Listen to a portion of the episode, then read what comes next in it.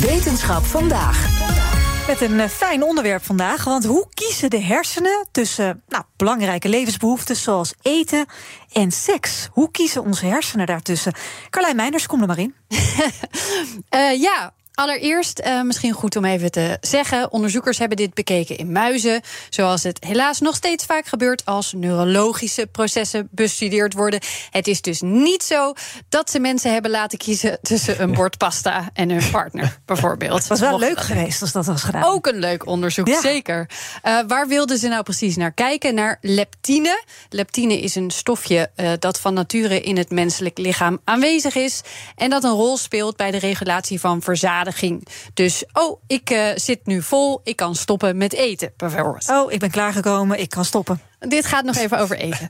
Uh, maar het bredere plaatje dat ze willen bestuderen is eigenlijk hoe bepalen dieren en mensen aan welke behoeftes ze hun tijd besteden. Dus hoe kiest het lichaam wat op dat moment prioriteit heeft? Wanneer switchen we dan van het een naar het ander? En werkt dat mechanisme in iedereen hetzelfde?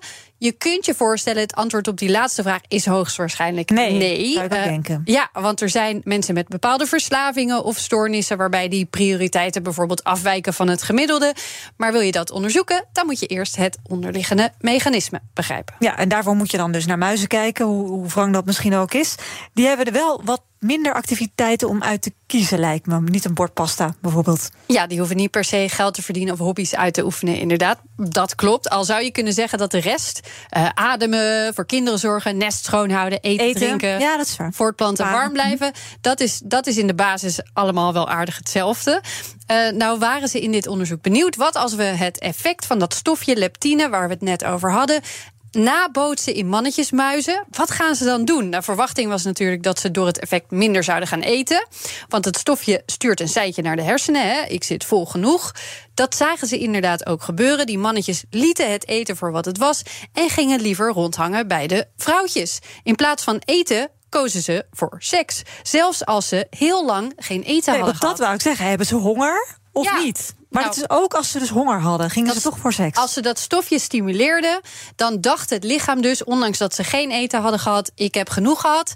En dan was uh, het volgende op het lijstje seks gewoon meteen. Ja, dus ze lieten ook echt, want dan neem ik aan dat er ook echt een eten naast Ja. is gezet. En dat lieten ze dan staan. Ja, dat interesseerde ze niet. Uh, dat zegt ook iets over hoe sterk dit mechanisme is. Want dat hongergevoel wordt natuurlijk niet alleen maar bepaald door dat ene stofje. En ze zagen ook wel, en dit is een beetje zielig wel, uh, als ze lang genoeg geen eten kregen, dan won toch het eten uiteindelijk het van de seks. En werd het leptine-mechanisme overruled. Dus er is wel een limiet. Ja, dus ergens voelt het lichaam zelf, het gaat niet goed met mij, ik moet nu echt eten. Via andere paadjes in het lichaam krijgt dan toch dat lichaam het seintje: ik moet nu eerst dat doen. Nou, je hebt toch ook een beetje energie over nodig als je seks wil hebben. Dus dan moet je toch eerst eten. Goed punt. Goed punt. Dat is weer ook weer heel ander onderzoek natuurlijk. Um, nou zijn ze dit nog beter gaan bekijken in de neuronen die hier een rol bij spelen. Wat ze onder andere zagen was dat de neuronen die reageren op de aanwezigheid van leptine ook los geactiveerd worden bij contact met de andere seksen. En andersom, als die neuronen extra geactiveerd werden, los van het eten, zochten de muizen ook meer contact met het andere geslacht. En daaruit kun je dus concluderen dat stofje heeft ook los van eten een link met sociaal gedrag. Ja, ja precies. Dat, dat laten eigenlijk deze twee situaties zien. Dit mechanisme beïnvloedt niet alleen eetgedrag, maar ook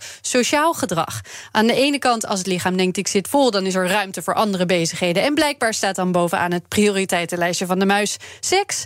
Maar zelfs los van eten heeft dit mechanisme effect op contact met andere muizen. Ze hebben overigens ook nog de neuronen gestimuleerd die juist zorgen voor een dorstig gevoel. En in die situatie verkozen ze drinken boven alles. Dus in deze rock paper, scissor van seks, eten en water wint water het van alles. Ja, want inderdaad, water is dan misschien met ademen echt de eerste levensbehoefte. Bij water ga het snelste dood. Maar goed, we, we weten dan nu hoe dit bij muizen ging. Kan je dat één op één naar, naar mens vertalen? Goeie vraag. Wij zijn inderdaad geen muizen, maar dat leptine-mechanisme vind je in ontzettend veel dieren, van vliegjes tot de mens. Niet iedereen kan even goed op tijd stoppen met eten uh, of aanvoelen wanneer het lichaam genoeg heeft gehad. Dus dat mechanisme is ook in gezondheidsonderzoek erg interessant. Maar er zijn ook ziektes waarbij je een combinatie vindt van eetproblemen en sociale problemen. Er zijn bijvoorbeeld mensen in het autisme-spectrum met een ernstig verstoord eetpatroon. Er zijn ook mensen met eetziektes die sociale stoornissen ontwikkelen. Uh, allemaal heel interessant en belangrijk om naar te kijken. Dus. Ja, maar voor nu dus eerst eigenlijk eerst zorgen dat je vol zit. En daarna seks. Je zou kunnen denken dat je lichaam dan inderdaad meer focus heeft op de volgende activiteit. Ja, ja wordt het wel echt een beetje plannen de hele tijd. Zo saai. Ja, wat nou, dat is heel grappig dat je dat zegt. Ja, maar wat zegt dat als je met iemand uit eten gaat? Dan ja. iemand heeft dit onderzoek gehoord. Die denkt, ja, ik weet wat de volgende stap is. is. Heel even nog op dat plannen. Ja. daar is onderzoek naar gedaan. Uh, rond Valentijnsdag kwam dat naar buiten door Canadese onderzoekers. Hebben ze gekeken of, of plannen van seks of spontane seks meer plezier, meer genot oplevert. En ondanks dat de koppels zelf dachten dat dat inderdaad zo was, bleek dat niet zo te zijn. Dus het maakt niet uit. Oh, het maakt niet uit. Of je het plant of spontaan doet. Oh. Uh, wetenschappelijk gezien, dit was een klein onderzoek, is het even leuk. Ja, wat grappig is het bij plannen zou je misschien denken de voorpret duurt lang, want je weet dat het gaat komen. Aan de andere kant alle spontaniteit. Het is net als een vakantieboeken, zeiden ze in het onderzoek. dat is ook altijd, altijd hartstikke leuk. Natuurlijk. Dankjewel voor deze eye-opener, Carlijn Meinders. Zeg ZZP'er, heb je nou nog geen arbeidsongeschiktheidsverzekering? Insafai heeft de AOV die wel betaalbaar is. In 15 minuten geregeld, 100% online. Krijg nu 20% korting in je eerste jaar via insafai.nl slash radio.